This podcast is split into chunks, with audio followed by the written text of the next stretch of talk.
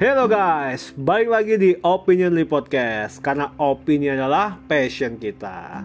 Ya guys, balik lagi bareng gua Hafiz di Hafiz Special Talk. Uh, BTW, apa kabar kalian guys? Uh, semoga kalian semua dalam keadaan sehat dan walafiat Dan semoga pandemi ini cepat berakhir. Amin ya robbal alamin. Ya, di episode kali ini gua akan uh, berbicara uh, mengenai kelangan karo kelingan. Ini merupakan uh, bahasa Jawa. Kelangan itu artinya kehilangan, sementara kelingan itu artinya keingetan dari kata eling. Oke, okay, uh, sebelum itu gue ingin konfirmasi terlebih dahulu terkait dengan kelanjutan opinion li. Jadi uh, ya seperti yang kalian sudah tahu di episode sebelumnya bahwa gue telah membuat episode uh, ke-10 untuk opinion lead dengan rekaman gue sendiri menceritakan tentang partner gue yaitu Dion yang kini sudah tiada. Jadi uh, untuk opinion lead yang bukan Happy Special Talk yaitu opinion lead episode uh, utamanya akan stop dulu di episode 10 uh, sampai waktu yang belum bisa ditentukan. Gue nggak tahu apakah uh, akan nemu partner baru atau enggak. Tapi yang uh, bakal dilanjutin yaitu Hafiz Special Talk. Karena memang sudah dari episode 1 kan jadi ya ya udahlah sekarang aja gitu lanjutkan uh, dan ini membawa nama gue sendiri untuk Hafiz Special Talk gitu. Under opinion list still gitu. Ya uh, kurang lebih itu aja lah untuk konfirmasi terkait opinion li jadi uh, kalaupun nanti ada featuring itu baru featuring dan itu kemungkinan bakal masuk di Hafiz Special Talk dulu dan belum masuk di Opinionly. Uh, gue nggak tahu sih apakah nanti Opinionly ini akan lanjut dengan uh, partner baru atau memang ya udah di stop aja ini gue gue masih pikirin lagi tapi sementara uh, untuk Opinionly gue stop sampai episode 10 dulu yaitu sampai dengan waktu yang belum bisa ditentukan. Ya, oke. Okay. Uh, eh, sekarang kita masuk ke topik kita di episode kali ini yaitu kelangan karo kelingan. ya, seperti tadi yang udah gue bahas, uh, uh, yang udah gue bilang bahwa ini diambil dari bahasa Jawa, yaitu kelangan yaitu uh, kehilangan dan kelingan ngambil dari kata eling atau iling itu uh, keingetan, mengingat sesuatu. Ya, uh, kalau ditanya definisinya tuh ya gue juga bingung sih sebenarnya kehilangan ya ya udah kehilangan gitu loh kayak uh, lu kehilangan sesuatu kayak kehilangan barang kesayangan lu atau peliharaan kesayangan atau orang yang disayang mungkin atau apa pun lah yang kalian sayangi atau kalian cintai atau ya apa pun itulah everything. Uh, kalau kelingan keingetan kalau ditanya definisinya apa ya gue juga bingung sebenarnya. Jadi uh, ya ya teringat lah dengan seseorang atau dengan uh, ya misalkan kalian nyari-nyari sesuatu gitu di rumah ya kan kayak misalkan uh, gue lupa nih naro remote TV di mana. Eh tiba-tiba keingetan eh remote TV-nya ada di kursi atau di meja deket TV kayak gitu guys. Jadi ya kalau keingetan ya ya udah keingetan tuh bisa apa pun sih sebenarnya nggak ada seseorang. Tapi memang uh, untuk episode kali ini dua hal yang akan dibicarakan itu berkaitan dengan seseorang ya karena nggak mungkin kan gue bahas uh, eh, gue kehilangan TV nih gue jadiin konten di podcast ini kan nggak mungkin ya. Gue gue tiba-tiba keinget nih gue naro remote TV di sini gitu kan kan nggak mungkin ya kan gue bikin konten di podcast. Jadi it's about anyone not not someone actually. Uh, ya jadi tentang kehilangan seseorang ya. Uh, sebenarnya mungkin ya mungkin kalian buat yang udah follow gue di Instagram mungkin kalian tahu sebelum gue kehilangan Dion selaku partner gue di Opinionly gue sudah kehilangan salah satu orang yang paling gue sayang seumur hidup gue yaitu bokap gue uh, beliau uh, meninggalkan uh, gue dan keluarga itu pada tanggal 30 Januari 2021 itu hal yang apa ya sangat menyedihkan pastinya lah ya. kehilangan orang yang ya sosok orang tua gitu loh. Sekarang ya uh, gue uh, tinggal berdua sama nyokap di rumah. Gitu. Dan ya semuanya sudah berbeda sih. Sejak um, kehilangan bokap ya terkadang yang gue rindukan adalah ketika bokap nyalain YouTube kencang-kencang ya kayak kalian tahu kan kalau misalkan bapak-bapak kalau nyetel video tuh kencang-kencang YouTube atau apa. Lagu-lagu lagu-lagu zaman dulu. Bokap ya ya memang bokap kan kelahiran 60 ya. Jadi uh, ya dengerinnya lagu-lagu yang pada zamannya kemudian di YouTube nyetel kencang-kencang kedengeran sampai ke kamar gue dan gue menikmati lagu itu sih cuma and then ya gue nyetel lagu yang gue mau sendiri sih. Tapi ya ketika gue sendiri menyetel lagu bokap menyetel lagu dan itu kedengeran sampai ke kamar gue dan lagunya enak sih gitu. Ya uh, buat gue bokap itu adalah uh, seseorang yang berarti dalam hidup gue bokap yang uh, yang memberikan keberanian gua pada saat kelas 3 SMP untuk nyetir mobil di jalan uh, jalur selatannya pemudi karena kampung gua kan di Purworejo ya. Uh, jadi ya kita pasti dulu uh, zaman belum ada tol trans Jawa ya itu kita pasti uh, lewat jalur selatan ya. Pertama berangkat dari utara karena rumah gua di rumah keluarga juga di Bekasi. Jadi kan dari utara kemudian uh, lewat ke selatan lewat daerah namanya Perupuk Perupuk ya bukan makanan itu bukan kerupuk bukan ya. Perupuk itu daerah Tegal. Dan uh, ya ya bokap adalah orang yang benar-benar berani gitu loh. Berani untuk ngambil uh, keputusan bahwa uh, ya salah satunya itu yang uh, kemudian menjadi hal yang berarti di hidup gue gitu loh. Yang gue kadang kebayang kalau misalkan gue dulu nggak berani untuk ngambil uh, nyetir. Gue nyetir juga nggak pakai les. Gue cuma dilatih sama bokap sampai bisa. Ya uh, akhirnya waktu itu gue latihannya nggak di Bekasi tapi di kampung gue di Purworejo kebetulan ada lapangan bola gede banget. Ya lapangan kampung lah lo tau kayak gimana kan? Nah karena gue di situ belajar belajar bawa mobil. Dari ngoper gigi rem tangan kemudian bikin bikin angka 8 tapi nggak drifting bikin angka 8 waktu itu kita pakai mobil Panther. Waktu itu mobil di rumah masih ada Panther. Uh, sebelum ganti ke Expander di tahun 2018 gitu dan uh, as the time goes by gue dari kelas 3 SMP itu semakin lancar semakin lancar sampai pada akhirnya gue bikin sim dan uh, dapat sim di umur 17 tahun 2000, sekitar tahun 2012 ya jadi kalau dipikir-pikir ya semuanya karena bokap. Uh, ya waktu itu memang ya bokap meninggal karena sakit ya gue nggak perlu gue gua gua mohon maaf gue nggak bisa terlalu mendetail untuk penyakitnya apa. Uh, ya intinya seperti itu. Uh, ya waktu itu bokap dirawat di Jakarta pada tanggal berapa ya? Gue lupa sekitar. Uh, gue lupa sih tanggalnya. Mungkin sebelum sebelum 30 Januari itu sekitar 26 27 gitu. Gue pokoknya nggak lama kok. Nggak mas itu entah kenapa bokap kondisi makin ngedrop pada hari uh, Jumat sebenarnya kita sudah mendapatkan titik terang bahwa bokap uh, bisa dilakukan perawatan. Namun Sabtu kondisi bokap drop tiba-tiba. Sabtu pagi sebelum bokap menghembuskan nafas terakhir itu uh, kondisi bokap drop banget. Dan uh, gue waktu itu jujur gue waktu itu lagi kerja Sabtu. Ya karena kerja gue kan emang uh, sistemnya shifting. Jadi nggak ada libur di Sabtu Minggu nggak ada. Waktu itu ada Sabtu tanggal 30 Januari gue lagi kerja uh, ya gue kerja kayak biasa aja.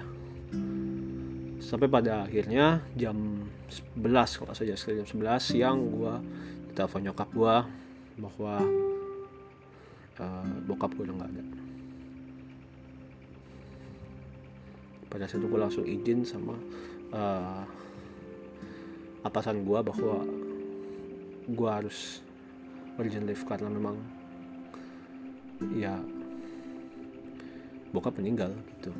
Dan diizinin dan akhirnya gue langsung buru-buru ke rumah sakit tempat bokap dirawat itu untuk ya kemudian gue juga melakukan apa ya namanya sih mandi jenazahnya uh, mandi jenazahnya sama abang gue karena emang karena waktu itu gue pakai baju apa APD ya APD ya jatuhnya APD sih itu baju APD ya karena waktu itu kan sampai sekarang bahkannya sebenarnya masih suasana covid ya memang tidak seperti keadaan pada saat tidak covid gitu. Dan memang benar bahwa uh,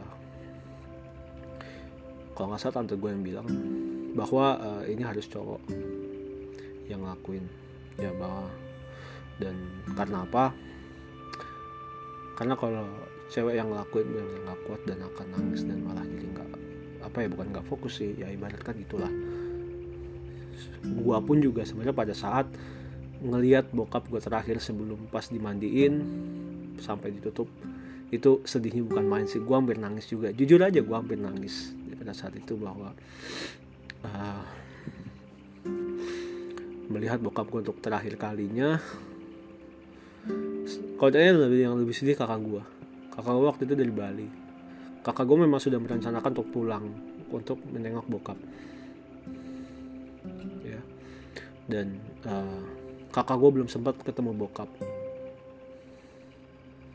Meskipun sebenarnya abang gue pun juga eh abang gue masih ketemu sih pas mandi mandi jenazah itu maksudnya melihat bokap gitu secara langsung. Uh, ya gue ya gue ya gue yang nganterin gue yang ini dengan protokol seadanya waktu itu gue ke rumah sakit. Ya udah. Yang, yang iya seperti yang gue bilang tadi yang sedih kakak gue karena kakak gue belum sempat lihat. Jadi uh, dia tinggal di Bali tinggal di negara bukan di Denpasar ya di, di negara Jemberana. Uh, dia waktu itu udah naik pesawat dan pada saat bokap meninggal kakak gue masih ada di pesawat. Kakak gue turun mungkin ya gue nggak tahu sih nggak kebayang gimana rasanya waktu itu kakak gue ketika ngebaca bahwa uh, pesan kan kalau pesawat nggak mungkin dibuka kan. Maksudnya kayak eh, nggak uh, mungkin kan kita non apa non activate airplane mode gitu loh. Ya pada gue nggak kebayang sih kalau gue waktu itu gimana perasaannya ketika memang uh,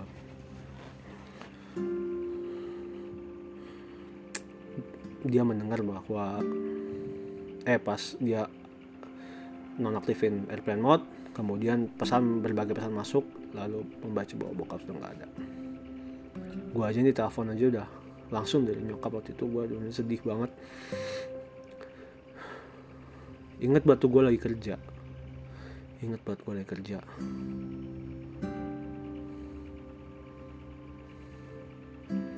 Ya makanya gue gak kebayang sih kalau waktu itu gimana.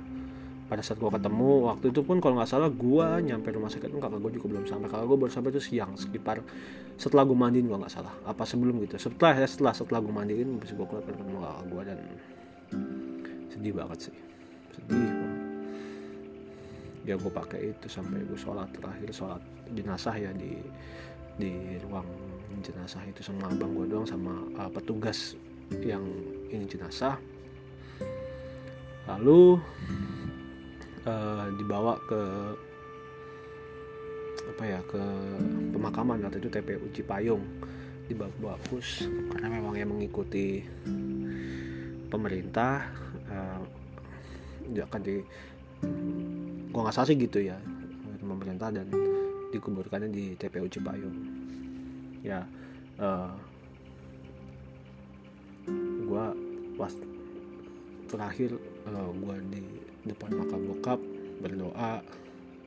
Dan gue juga aduh pasti gue sedih. Sampai uh, pasti gue kayak mau nangis aja bawaannya. Kayak gue berharap eh kayak gue membayangkan kalau bokap lu masih ada gitu. Uh, at that time kayak ya pastilah gitu loh.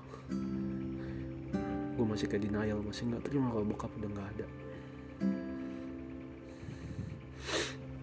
ya ya ya tapi baik lagi itu adalah ya mungkin udah jalannya Allah yang lebih sayang sama bokap daripada maksudnya bukan daripada gue kayak Allah lebih sayang sama bokap. Jadi bokap gak merasakan penyakit yang uh, lama-lama.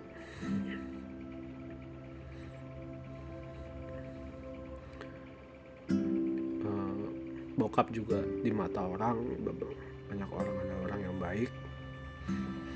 Dan uh, banyak orang yang merasa banget uh, kehilangan banget sosok bokap. Orang yang uh, bekerja keras. Bahkan berani beli mobil itu Expander nyicil dengan penghasilan yang gak nentu setiap bulannya. Tapi bokap terus kerja keras sampai tiga tahun kemudian bokap gak ada. Ya waktu itu emang nyisa sebulan sih kalau saya cicil terakhir. Akhirnya gue yang uh, nyelesain. Maksudnya gue yang nyelesain proses saya bukan duitnya. Dan itulah kenapa mobil itu berat saya sebenarnya kalau gue mau jual atau gimana pun itu berat. Karena memang ya legasinya sangat uh, apa sih namanya sangat ya gitu dah. Speechless gue jadinya. Uh, kemudian apalagi ya? Ya begitulah bokap ya selain selain ngajarin gue nyetir juga bokap ngajarin gue terus bekerja keras dan jangan pernah nyerah sama keadaan. Pernah at some point of time gue baru kerja kantoran waktu itu. Di tahun 2019 gue baru kerja kantoran. Dan gue waktu itu karena kerjaannya begini banget ya gue nggak kuat gue pengen keluar. Tapi bokap kemudian mengencourage gue bahwa pokoknya jangan keluar terus kerja di situ.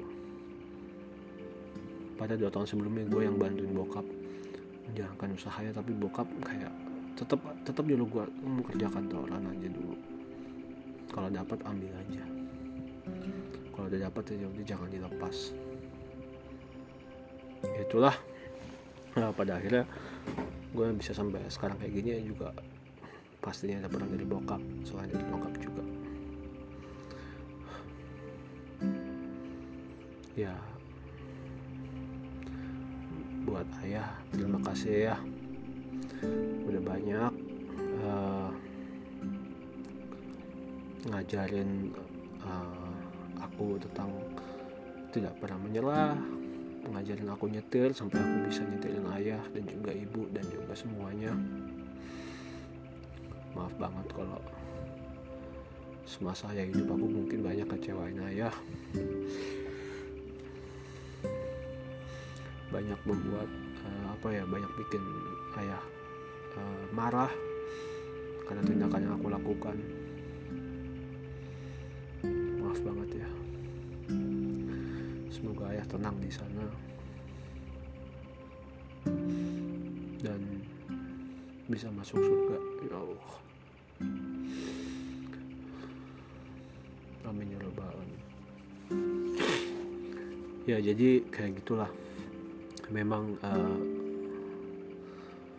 kehilangan sosok orang tua itu emang ini banget. Udah hal paling memukul di dunia kalau gue bilang.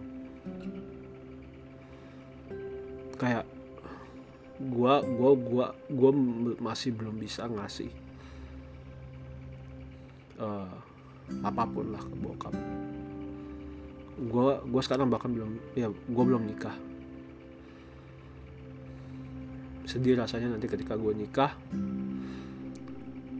Nggak ada bokap di pelaminan. Sedih sih rasanya tapi ya it's life like life must go on.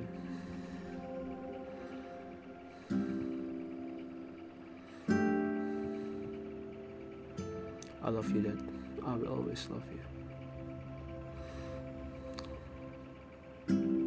ya uh, kurang lebih dari itu. Kemudian ya semua mengucapkan belasungkawa dan uh, guys uh, buat teman-teman gua ya, atau ya kalian-kalian yang ngucapin terima kasih banget at the time ya gua udah balasin satu-satu sih tapi takutnya ada yang keskip atau gimana. Uh, gua terima kasih banget buat yang udah ngucapin buat yang udah doain juga yang udah nyemangatin gue dan keluarga. Terima kasih banget. Berkat doa semangat dan uh, motivasi uh, yang kalian berikan kita semua juga uh, masih bisa bertahan hingga hari ini. Gitu. Setelah itu ya kelanjutannya seminggu kemudian nyokap dinyatakan positif covid. Lalu menyusul satu hari kemudian abang ipar gua kakak gua baru gua. So we were tested positive for COVID-19 at that time. Dan itu kita sangat terpukul dari yang nyokap. Nyokap pun gue awalnya juga mau nangis. Nangis bahkan sih sebenarnya. Gue takut nyokap nyusul bokap at that time. Nggak bohong. Gue gue pernah hampir kepikiran eh gue pernah kepikiran kayak gitu. Apakah nyokap gue juga akan nyusul bokap? Masa gue kehilangan jadi yatim piatu dalam kurang dari apa dalam kurang kurang waktu gimana sih ngomongnya? Dalam kurang waktu kurang dari sebulan.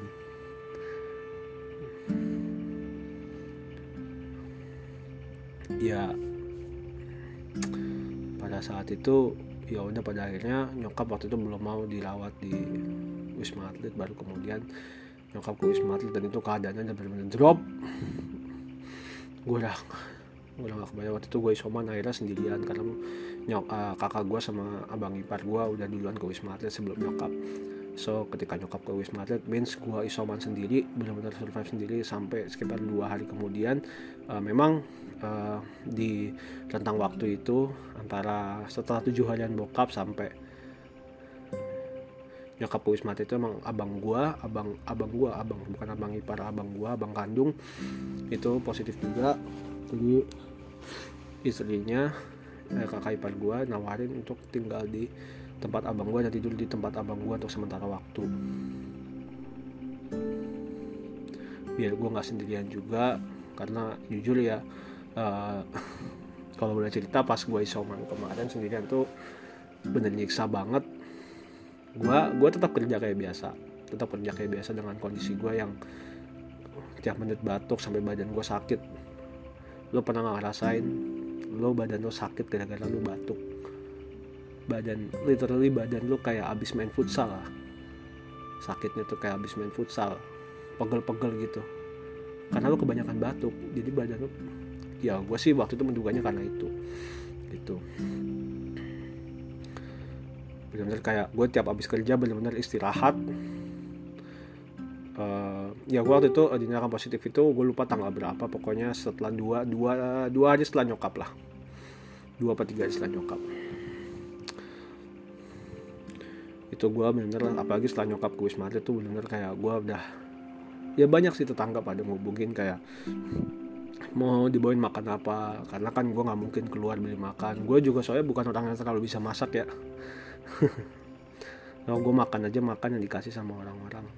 Makanya di sini gue coba gue juga mau ngucapin terima kasih buat yang udah ngirim waktu itu ngirim makanan uh, buat yang udah bantu selama gue sama keluarga gue dalam uh, kondisi covid uh, dalam kondisi uh, sedang isoman karena kena covid positif covid. Jadi terima kasih banget. Mohon maaf gue bisa belum bisa mungkin untuk membalas semuanya. Uh,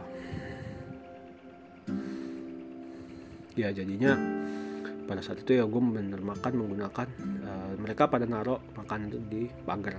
Jadi uh, eh, gue ambil gue kemudian ya entah ya bisa dipanasin panasin gue bener kayak hidup seadanya banget karena gue emang uh, at time ya gue bener belum bisa apa-apa gitu loh. Baru masak nasi kayak gitu gitu gue bisa. Cuma kalau untuk masak menu gue nggak bisa bagi pas nyokap gue gak ada gue mau makan apa. Gue makan pernah gue coba beli makan uh, A B C waktu itu gue belinya uh, oh waktu itu gue minta saudara sepupu gue untuk bawain uh, apa sih kebab. Kebab itu enak sebenarnya. Ya jadinya kayak sekalian ngeceritain gue isoman kali ya guys. Jadi uh, kebab itu enak rasanya. Tapi pas gue makan gak ada rasanya. Ya ya seperti yang kalian tahu kan kalau covid nggak bisa nyium nggak bahkan indera pengecap juga kayak nggak berfungsi kalau kata gue gue makan apa pun nggak enak makan bubur makan nasi uduk aja nggak enak. Pasti setiap itu gue muntah setiap itu gue muntah muntah diare. Napas gue juga sesek. Gue nggak bisa narik napas panjang waktu itu. Gue cuma bisa narik nafas olahraga pun gue cuma loncat-loncat nggak jelas doang. Ketika gue coba squat rush baru dua abis napas gue squat rush tuh yang apa sih gue lupa deh namanya. Gue sih dulu nyebutnya squat rush uh, uh, gue nyoba squat rush baru dua apa tiga putaran langsung napas gue ngap-ngapan gak kuat langsung gue batuk-batuk parah. Itu yang gue rasain selama ini selama pas selama sebelum gue ke tempat abang gue tempat abang gue ambil makanannya ya lebih ini karena dia bantuin kan kalau di sana makasih juga buat uh, kakak gue waktu itu yang udah bantu gue sama abang gue untuk ya isoman ya kita benar-benar di kamar aja. Kita nggak bisa keluar ke mana pun nggak bisa. That time gitu. Dan uh, kemudian setelahnya ya uh, skip skip skip. Ya pada akhirnya gue udah mulai membaik batuk gue udah mulai berkurang. Pada akhirnya pada hari ke kok salah ke 14 pas deh. Kita udah semua nggak semua sih dari gue dulu pertama sama abang gue jadi dinyatakan negatif. Baru habis itu kakak gue uh, nyokap nyokap waktu itu agak ketahan di rumah sakit gue nggak tahu karena apa lupa. Uh, waktu itu kakak gue terus abang ipar gue juga akhirnya negatif semua. Mereka langsung pulang ke Bali. Kalau nyokap gue udah akhirnya dijemput sama abang gue pulang ke rumah lagi. Pada pada akhirnya ya udah at the time sampai sekarang ya udah begitu. Hidup berdua aja rame kalau misalkan abang gue main ke rumah karena punya anak tiga jadi anak tiga masih banyak kecil rame aja gitu kalau ada mereka. Tapi kalau nggak ada ya udah kayak ala kadarnya aja keadaannya. Gitu. Ya jadi kurang lebih itu ya tentang kehilangan seseorang sampai uh, pada akhirnya. Jadi ya yang gue rasakan adalah setelah uh, gue kehilangan bokap gue hampir kehilangan nyokap juga di ya kurang kurang apa dalam kurang waktu kurang dari sebulan hampir gue kehilangan nyokap. Kalau waktu itu nyokap nggak dibawa ke wisma atlet mungkin ya gue nggak tahu ya gimana. Terus habis itu kehilangan Dion di sekitar awal April ya gue lupa. Uh, partner gue di Opinion Lee ya begitulah rasanya. Kehilangan seseorang yang benar-benar kita sayangi kita cintai. Ya uh, kita lanjut tentang keingatan seseorang. Ya keingatan seseorang ini adalah yes. Ini gue agak spesifik di sini it's about my ex. Jadi jauh sebelum bokap gue meninggal eh, jauh sebelum dia meninggal sebelum bokap gue meninggal sebelum gue merasakan kehilangan itu semua gue sudah merasakan kehilangan. Yang menurut gue cukup berarti. Mungkin buat sebagian orang nggak berarti ya. Namanya ialah cuma kehilangan pacar fish kayak gitu. Coba buat gue ini sebuah kehilangan yang berat buat gue bahkan ngebuat gue susah move on. Ya kehilangan seorang pasangan yang ya dia bisa dibilang dia nyala pacar terbaik yang pernah aku pacarin. Ah, aku fairly say gitu I could fairly say kayak gitu. Um,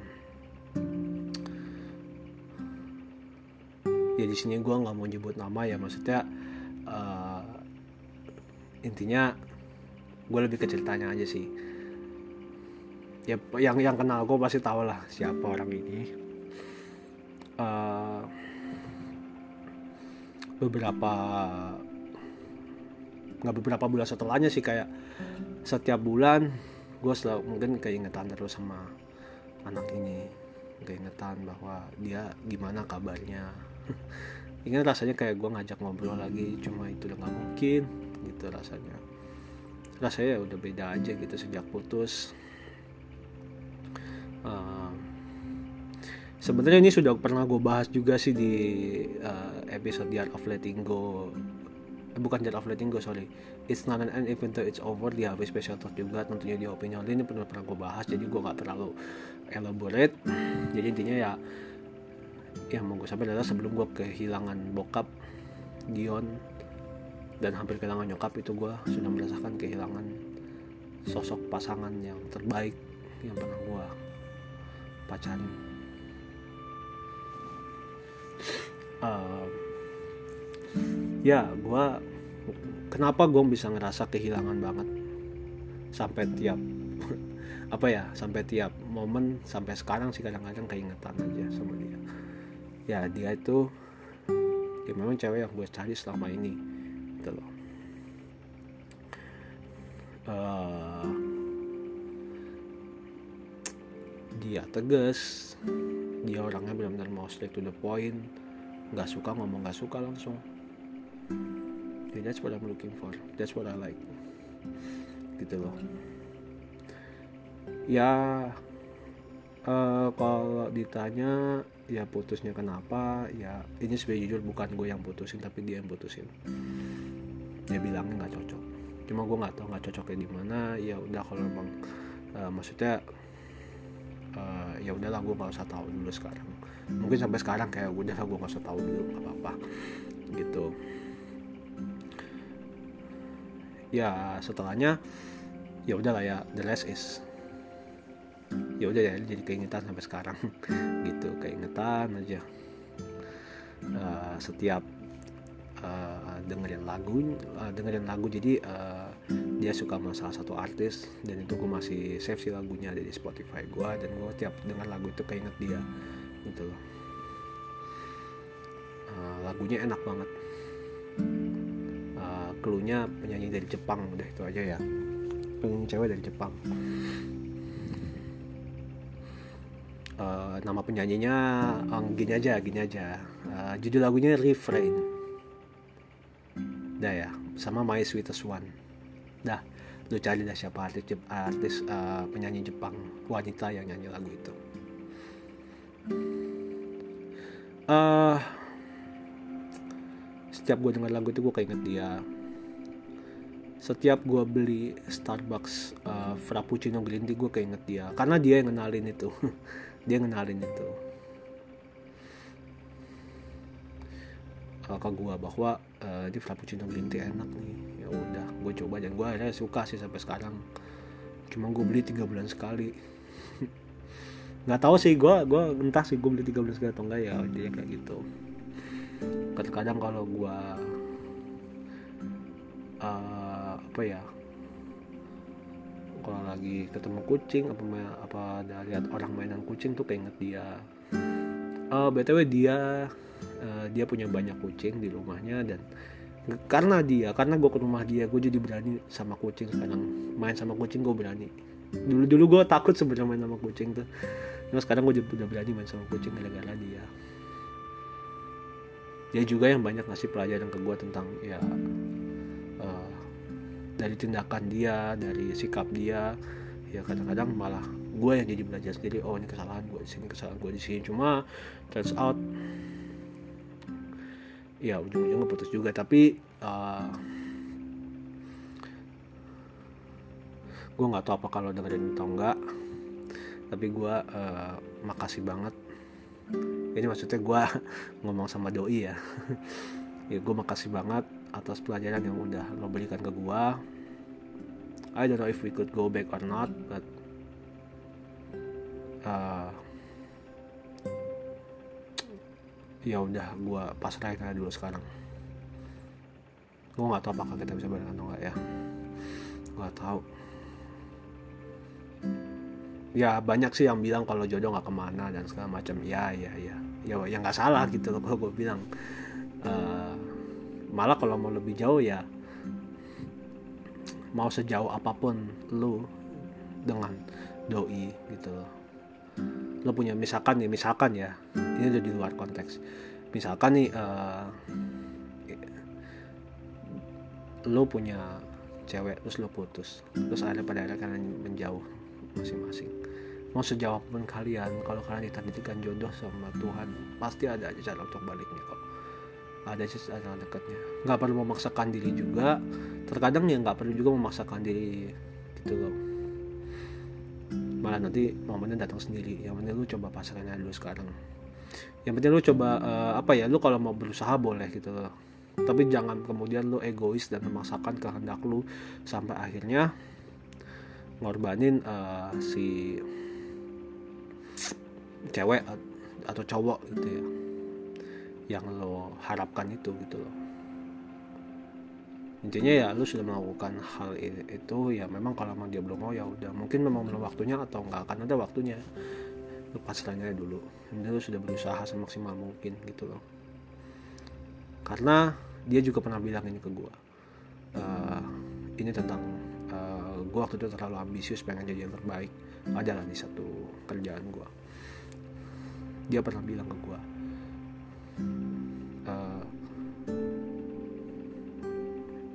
kita kita apa ya? Gimana sih ngomongnya?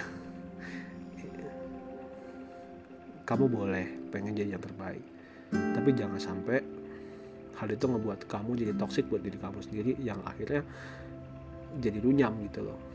Intinya uh, terlalu ambisius tuh bisa jadi toxic buat diri sendiri. Ya udah anggap aja kamu udah ngelakuin hal yang terbaik. Gitu. Dia pernah bilang kayak gitu ke gue dan itu pesan yang gue ingat sampai sekarang salah satu salah satu pesan yang gue ingat sampai sekarang. Yang gue ini kan bahwa ya ya udah lu sudah melakukan hal terbaik biarkan orang lain yang menilai seperti apa. Kayak gitu sih. Itulah kadang-kadang ya keingetannya keingetan hal-hal yang kayak pesan kadang-kadang keingetan sesuatu yang misalkan kayak tadi gue minum Starbucks tuh gue kadang keinget dia loh. Apalagi Starbucksnya Frappuccino Green Tea. Uh, ya gue inget gue juga pernah beliin dia itu dia senang banget. Dulu dulu dulu tambah keingetan gue kalau di apa di diperpanjang. Jadi intinya kayak gitu ya. Uh, lanjut. Jadi kalau soal itu cukup ya gue rasa. Intinya ada kehilangan dan keingetan. Keingetan ini ya gue keingetan sama dia terus gitu kalau tanya apakah gue pernah keingetan sama bokap atau sama Dion? Nggak usah ditanya pasti. Kayak gue kemarin pulang kerja uh, gue lewat rumah rumah Dion tuh kan di daerah Klender. Kita juga pernah syuting di sana eh syuting rekaman di sana. Gue tiap liat BKT kayak inget sama Dion. Karena dia juga sering nebeng gue gitu. Kadang pulang nebeng gue ngantor nebeng gue gitu loh kalau tanya keingetan bokap banget. Uh, apalagi kalau ngeliat ponakan gue yang paling kecil itu ponakan uh, sebenarnya sama ponakan gue nempel aja sih sama bokap. Cuma kayaknya bokap uh, paling seneng banget sama ponakan yang paling kecil ini. Karena gue ngeliat aktifnya dia. Uh, aktifnya ponakan gue yang kecil ini gue kadang gue gue gue gue gue kebayang gitu kayak ini bokap gue masih hidup pasti seneng banget ngeliat ponakan gue ini aksa aktif ini gitu. Bokap pasti seneng banget pasti betah main sama ponakan ya cuma ya udah gitu. Uh, after all of this loss that I felt gitu loh. Uh, ya gue sempat berpikir apakah uh, jadi kan sistem kerja gue nya uh, dari dari probation kontrak kemudian permanent staff ya. Pada saat bokap meninggal itu gue masih dalam uh, masa kontrak.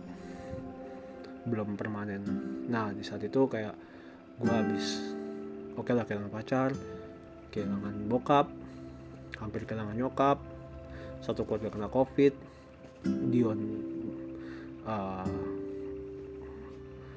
gak ada gue kayak pernah berpikir at some point of time gue berpikir bahwa apakah gue akan kehilangan pekerjaan ini juga? Dan alhamdulillahnya thank God it didn't happen. Justru ya gue sebelum itu gue pasrahin aja semua. Gue bahkan uh, ya udah gitu.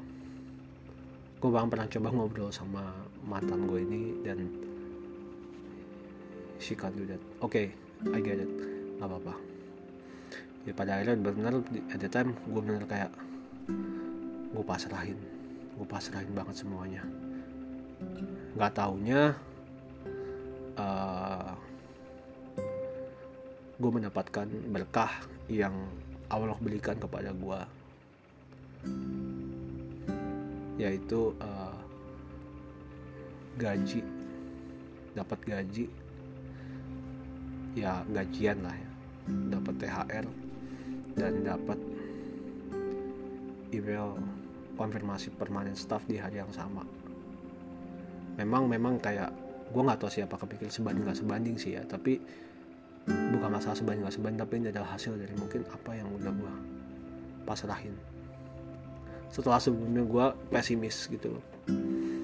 Lalu gue yakin aja bahwa gue harus lanjut gue harus lanjut gue harus lanjut akhirnya gue push kerjaan dan segala macam dan pada akhirnya gue dapat semua itu yang sama. Kayaknya bukan sesuatu yang gue bayangkan sebelumnya.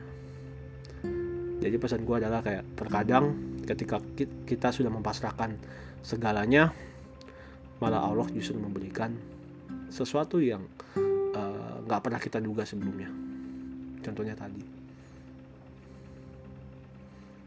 Gue juga gak kebayang bakal bakal kayak gitu bakal dapet semuanya di hari itu.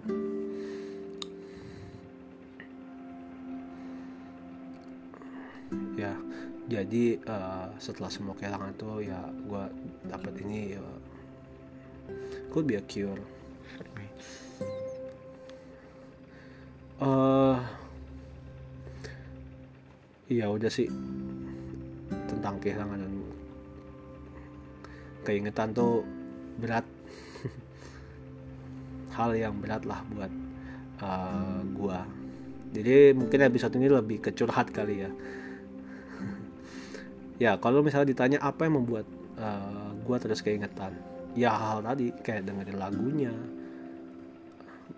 lagu favoritnya terus minum uh, minuman favorit kita. Ya memang kebetulan gue doyan gitu. Jadi ya gimana ya gue kalau ke Starbucks pun ya juga apa nggak tahu mau minum yang mana gitu selain itu.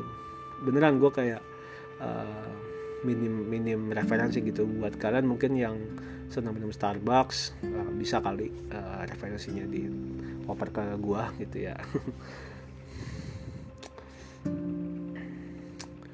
Uh, kalau dibilang tindakan preventif ya karena gini gak gak apa ya beda beda setiap orang gitu loh gue kadang udah mencoba untuk kayak gue melakukan hobi gue aja gitu untuk bukan bukan melupakan dia atau uh, membuat tidak keingetan enggak. Setidaknya buat stress relief atau something like that lah. Menggunakan hobi gue kayak gue main gitar atau gue main game gitu. Uh, kalau ditanya apakah ini ngaruh ke pekerjaan lu nggak uh, sebenarnya enggak. Nggak ngaruh ke pekerjaan gue karena gue ketika gue kerja ya gue kerja uh, kayak gue kalau pas kerja ya pas kerja nih pas kerja gue nggak ada waktu untuk inget-inget hal itu. Cuma ketika gue uh, udah selesai kerja katakanlah ya udah udah selesai duty ya udah. Kalau lagi galau atau lagi apa tiba-tiba keinget. Ya kayak gitu tuh ceritanya lah. Ya intinya dalam menyikapi kehilangan ya ataupun ya dulu tiba-tiba keingetan sama mantan atau siapa pun sikapilah dengan bijak. Uh, apalagi kalau kehilangan ya karena terlebih kehilangan kayak gue misalnya kehilangan teman terbaik gue hampir kehilangan kedua orang tua gue kehilangan waktu itu kehilangan bokap ya kan? Uh, berat banget buat gue cuma kita harus bisa keep moving forward dan karena apa? Karena life must go on. Hidup harus terus berlanjut bagaimanapun caranya hadapi dengan senyum sih kalau kata lagu Dewa 19 ya. Gitu sih. Ya udah guys uh, untuk episode rokelangan rokelingan uh, sekaligus ada ada cerita tentang gue pas isoman pada saat gue waktu itu positif covid karena memang uh, gue juga belum pernah up ini di podcast. Gitu. Dan uh, sebenarnya ini uh, tadinya gue mau ngebahas uh, tentang gimana pengalaman ke covid bersama Dion tapi ternyata Dion meninggalkan gue duluan. Ya what's done is done. Ya udah yang udah biarlah. Gimana lagi? Ya, pada akhirnya gue yang up sendiri gitu. Ya udah cukup untuk episode kali ini. Ya uh, harapannya semoga seperti tadi di awal bahwa semoga uh, pandemi ini berakhir. Semoga kalian semua para pendengar uh, sehat selalu dan selalu diberikan kemudahan dan dalam setiap hal yang kalian lakukan dan selalu diberikan berkah setiap harinya. Gitu aja guys untuk episode kali ini. I'm Hafiz Akbar Pamungkas signing off.